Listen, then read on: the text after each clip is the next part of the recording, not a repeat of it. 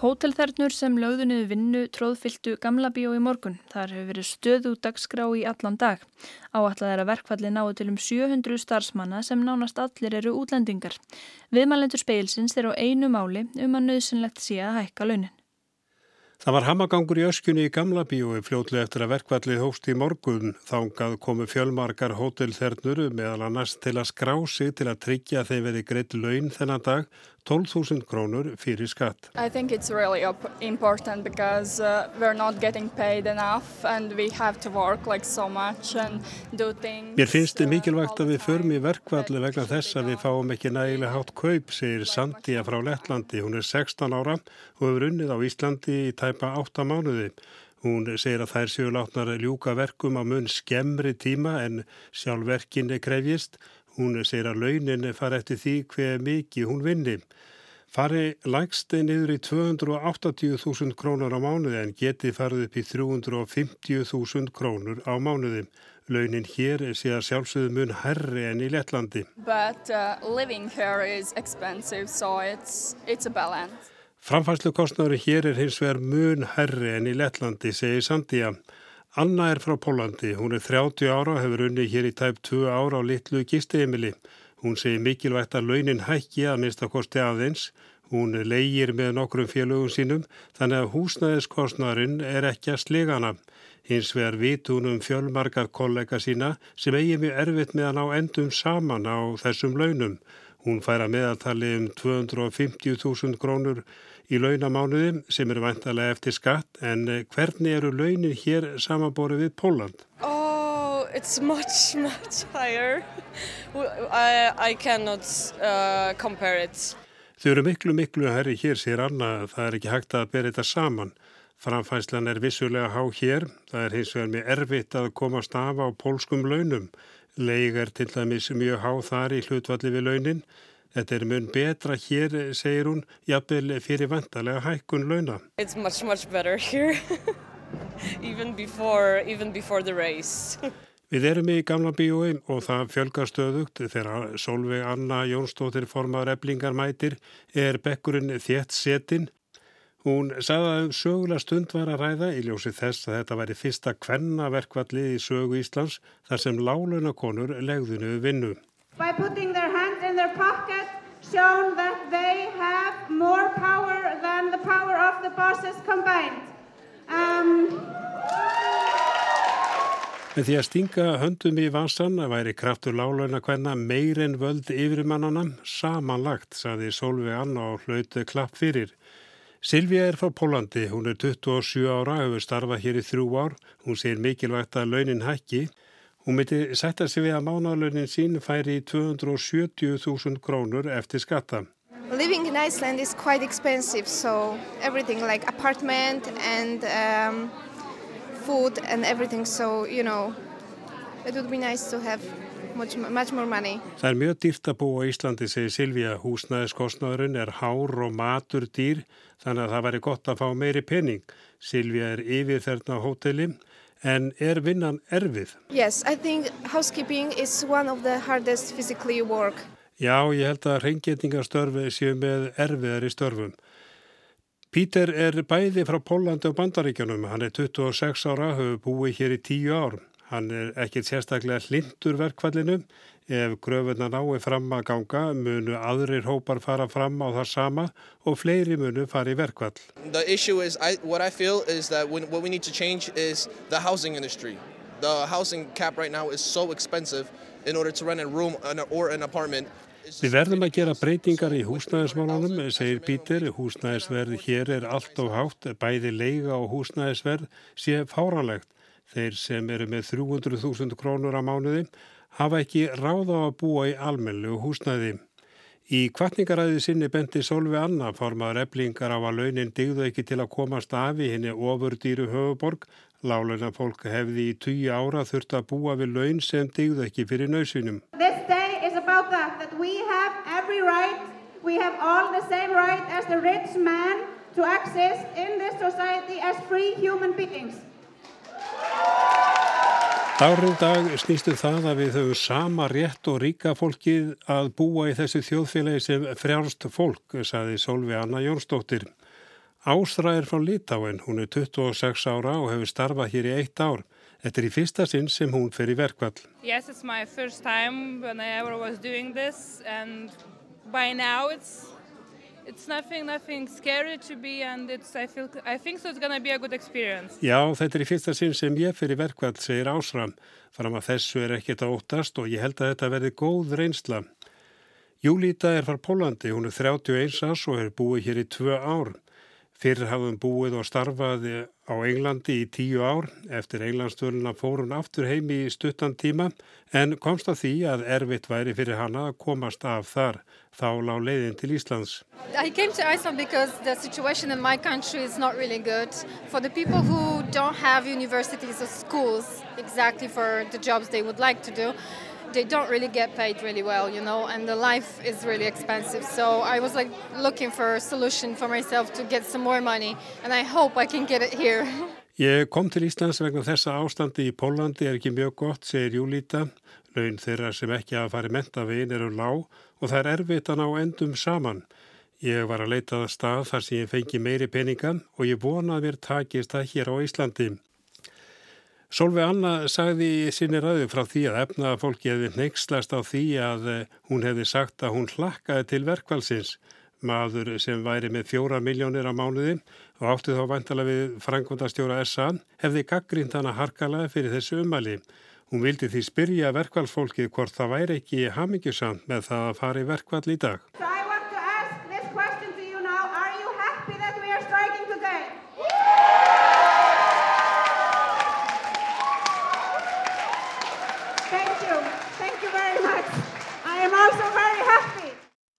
Þetta var Solveig Anna Jónsdóttir, Arnar Páll Haugsson tók saman.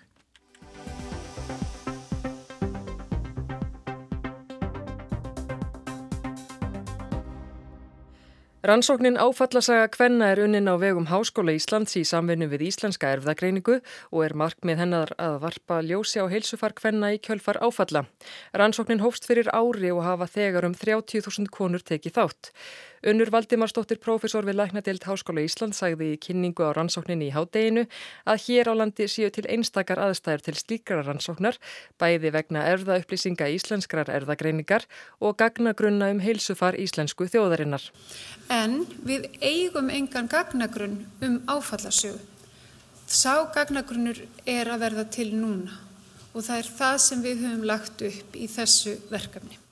Samkvæmt fyrstu niðurstöðum rannsóknarinnar hefur um þriðjungur íslenskara kvenna orðið fyrir kynferðislegri áreitni eða ofbeldi í námeðastarfi, þar af um 7% í núverandi starfsumhverfi. Arna Haugstóttir, profesor við Læknadeild Háskóla Íslands, segir að hugmyndin að þessum þætti rannsóknarinnar hafi sprottið af MeToo umræðinni. Þannig að við lögðum einn spurningu um þetta og gátum flokkaðana eftir svolítið MeToo hópanum sem komið fram og sáum þá að 7% í heldina voru það 7% hvenna sem að orði fyrir kynfyrirsleira áreitni á núverandi vinnustad 30% einhver tíma en þessi 7% þetta var mjög ólíkt eftir starfskrein allt frá því að vera 5% og upp í það að vera vel yfir 10% það var algjörlega skýrt að það voru til dæmis þær sem voru lægst, með lægstu tíðinina það voru konur til dæmis í mentakerfinu en svona í hæstu, með hæstu hópanum voru konur í ferðarþjónustu, uh, konur í réttafæslukerfinu, laurugli þjónar og lögfræðingar, konur í hópi sem við kallum í sviðsljósinu sem eru stjórnmálakonur, sviðslistakonur og fjölmjölakonur og þetta, þetta voru hópar sem voru að mælast mun herri heldur en aðrir hópar. Er þetta að draga einhverjar álíktanir af þessum fyrstu niðurstuðum? Þetta sýnir okkur bara hvað konur vinna í ólíku starfsumhverfi og konur í mentakerfi vinna mest með öðrum konum meðan konur í þessum hinnum geirum eru í öðruvísi umhverfi og, og kannski ofta tíðum karlægara umhverfi og, og hitta fleira fólk og eru útsettari þar að leiðandi fyrir svona atbyrðum. Ríflega 15 þáttakenda sínir sterk einkenni áfallastreitur öskunar en í rannsókninni voru áföll skilgrendi víðar og láti ná einnig yfir félagslega áföll eins og einelti og framhjóhald. Konur sem hafa orðið fyrir kynferðislegu eða öðru líkamlegu ofbeldi eru í mestri hættu á að þróa með sér áfallastreitur öskun. Arna segir að áhrif áfallastreituröskunar á heilsufar verði rannsökuð frekar í framhaldinu. Það sem við sáum var þegar við vorum að skoða áfallastreitu röskun hér í okkar hópi að það sáum við að það voru 23% konur sem að greina frá slíku í dag. Það er ofinu hátt en það skýrist af því að við erum líka að spyrja um önnur áföll en þessi klassísku. Við sáum þær sem eru með enginni áfallastreitu, við sáum líka þær eru aukin áhættu á að upplifa ímins líkamlega enginni eins og höfuverki, magaverki, stóðverki, eh, mjög há tíðinni á sagt, þreitu og orkuleysi, söpvandamál og þær voru líka sagt, í áhættu við að vera með fleiri en eitt enginni. Þannig að þetta, það eru mjög sterk tengsl hérna á milli áfallastreitu og, og líkamleira engina og þetta er eitthvað sem að sjálfsögðu við viljum rannsaka frekar og þarna er eitt af aðalmarkmiðan rannsóknarinnar að geta skoða þetta til lengri tíma og, og við getum þá tengt við aðrar heilbreyðsgrár og skoða hvernig áfallastreita í dag hefur áhrif á þróun líkanleira líðar til framtíðar en einnig að skoða erðafræði áfallastreitu og það gerum við í samstarfi við Íslenska erðagreiningu. Þetta er í rauninni langtíma rannsókn. Við lítum þannig á að við erum að ljúka núna, við munum klára samnáðagagnum núna fyrsta mæ og þá er svona fyrsta skrefinu loki, þá erum við komið með þessar gigantísku upplýsingar um áfallasögu og munum síðan í framhaldinu næstu árin og ég vil ára tíina hafa þarna efnið sem við getum notað áfram til að rannsaka. Já. Hvenar gerir þér á þeirri næstur uh, niðurstöðum úr þessari rannsókn? Næstu niðurstöður, það, ég hugsa að það verði úr svona, ef ég að segja þá loka niðurstöður úr þessum hópi næsta haustvonandi, þar sem við getum svona kynnt nákvæmlega hvernig hópunum lítur út og tengslinn sem við sjáum þar. En er hægt við að þegar konur velja hvort þær taki þátt að meiri líkur sé á þáttöku þeirra kvenna sem hafa orðið fyrir áfalli? Og skekki þannig niðurstöðunar? Ekki frekar enn í öðrum svona rannsóknum að þetta er bara eins og hverjana rannsókn að því leiti að konur samþekja að taka þátt eða ekki og taka þá þátt. Og, og það sem glatt okkur mjög þegar fórum að skoða þetta er að þáttakandur hafa mjög svipaðan bakgrunn og hvern þjóðin í hilsinni, hvað var þar til dæmis mentun, tekjur og aldur búsetu þannig að þetta er svona allt jæmt hvað það varðar þannig að það ætti ekki að vera meiri skekkja í þessari rannsóknin en öðrum. Meðalaldur þáttakenda er 44 ár og reyndist erfiðast að fá konur átjón til 25 ára til að taka þátt. Arna segir að reynd verða ná til þessa aldurshóps meðal annars í gegnum samfélagsmiðla. Það sem er líka mikilvægt er að Við viljum að þetta sem flestar konur taki þátt og við heyrum það stundum að konur tellir sér ekki þurfa að taka þátt að því að það hafa ekki upplegað áfall en við viljum að sjálfsögðu fá allar konur með því að það eigur vísindarlegt gildir ansóknarinnar og þarna gerir hana stærri og betri og það verður hægt að taka þátt í fyrsta mæ. Arna segir að frekari rannsóknir séu í undirbúningi. Þannig að konum verður ég vel bóða að taka þátt í annars konar rannsóknum sem að nú þegar hafa tekið þátt til dæmis varðandi lífstíl, næringu, reyfingu og annað sem við náðum ekki að spurja um í þetta skiptið. Við viljum líka, og það er á planinu hjá okkur að þróa meðferð við áfallastreitu sem hægt er að sinna í gegnum netið. Þannig að við þurfum betri, við, það kennur okkur það að við þurfum betri úrræði við áfallastreitu, við þurfum auki aðgengja meðferð og eitt af því væri að þróa eh, einfaldar á hagkvæmari meðferðir sem er hægt að bjóða upp á í gegnum netið. Og síðan náttúrulega að síðustu þá stefnum við á að framkvæma áfallasögu Karla því að það hefur sínt sig að það er líka mikill áhug á því og það var alltaf á planun hjá okkur þannig að þetta kvetur okkur enn frekar áfram í því. Þetta var Arna Haugstóttir, Ásrún Brynja Yngvarstóttir talaði við hana.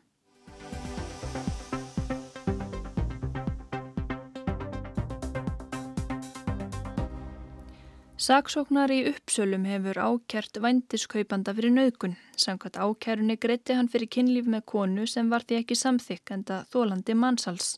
Maðurinn á yfir höfði sér minst tveggjára fangelsi verðan sakfældur en ekki sagt upp á um 100.000 krónur íslenskar eins og vændiskaupendur eru alla jafna dæmdir til. Ákjæra á hendur manninum og 13 öðrum var byrt í þessari viku og segir nöturlega en kunnulega sögu. Síðasta sumar kynntist úlingstúlkan okkur í Rúmeníu manni sem var litlu eldri, rúmlega tvítugur og byrjaði í ástarsambandi með honum. Eða það helt hún.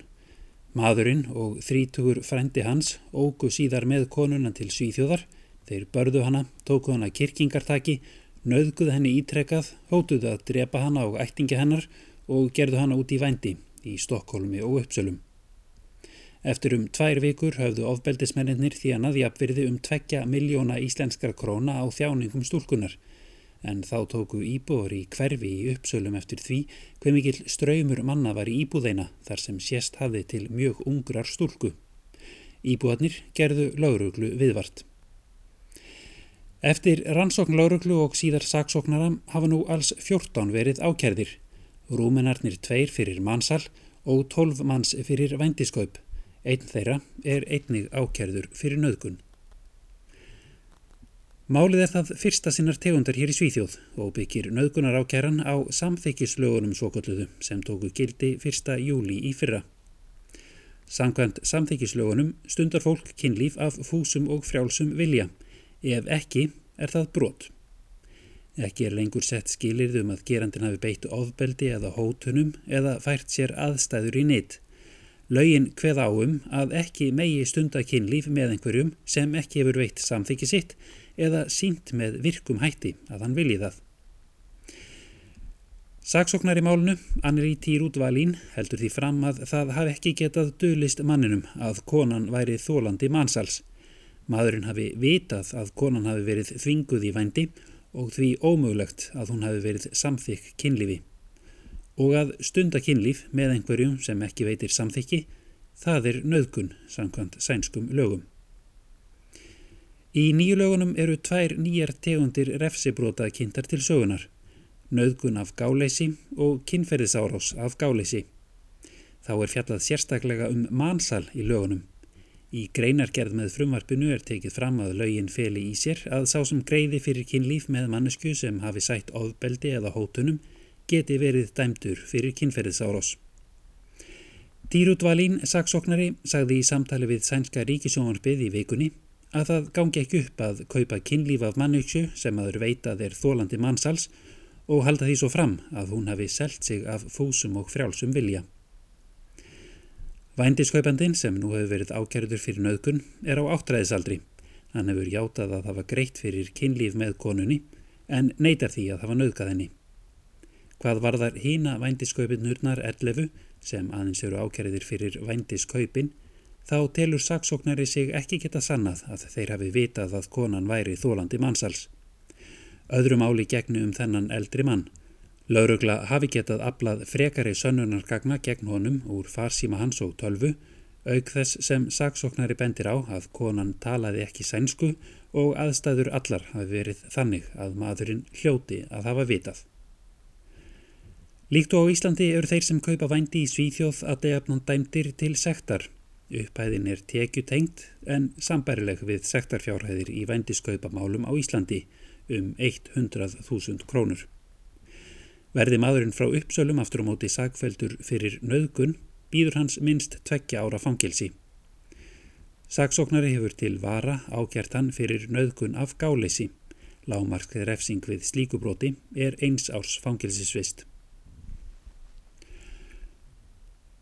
Nokkri dómar hafa þegar fallið á grundvelli samþekkislagana sem tóku gildi í síðasta sumar. Í einu málana fór kona heim til manns eftir að þau kynntust á stefnumhóta appi. Þau hafðu samfarir sem konan segir að það hefði verið þvert gegn vilja sínum. Dómar í málunu taldi sannað að maðurinn hafi gert sér grein fyrir því að kannski væri konan ekki samþekk kynlífinu, því hafi hann sínt af sér meðvitað gáleysi. Maðurinn var sakveldur fyrir nöðgun af gáleysi. Þá hafa nokkri menn til viðbútar verið dæmtir fyrir nöðgun í málum sem starfsmenn réttarkerfisins telja að hefðu ekki leitt til sakvellingar áður en samþykkislaugin komu til. Kári Kílosson, Gautaborg. Það var allra helst í speklinum í kvöld að veirufræði til landsbytala staðfesti í dag nýtt mislingatilfelli, það 5 árumlega hálfu mánuði. Ákveði hefur verið að grípa til viðtækra bólusetninga. Verkfallsverðir voru við störfu á hótelum við um borgina í dag. Framkvæmdastjóri Eblingar segir eitthvað hafa verið um verkfallsbrot. Verkfallið hafi þó farið vel fram að mestu leiti. Framkvæmdastjóri SA segir óskandi að þau verkaliðsfélög sem stegu frá samningaborðinu komi að því á ný. Og veðurhorfur á landinu til miðnættis annað kvöld, austanátt 10 til 18 metrar á sekundu og þurft að kalla en 18 til 23 síðst á landinu og snjókoma eða slitta. Hægari vindur og bjart veður norð-austan og austalands hiti 0 til 3 stig sunnan og vestan til en annars frost 2 til 10 stig kaldast í innsveitum fyrir norðan. Austlag eða breytilega átt á morgun viða 5 til 13 metrar á sekundu, viða jél engum við ströndina en þurftum landið norð-vestanvert dregur úr frosti. Fleiri er ekki speiklunum í kvöld, tæknimaður var Ragnar Gunnars, Gunnarsson, verið sæl og góða helgi.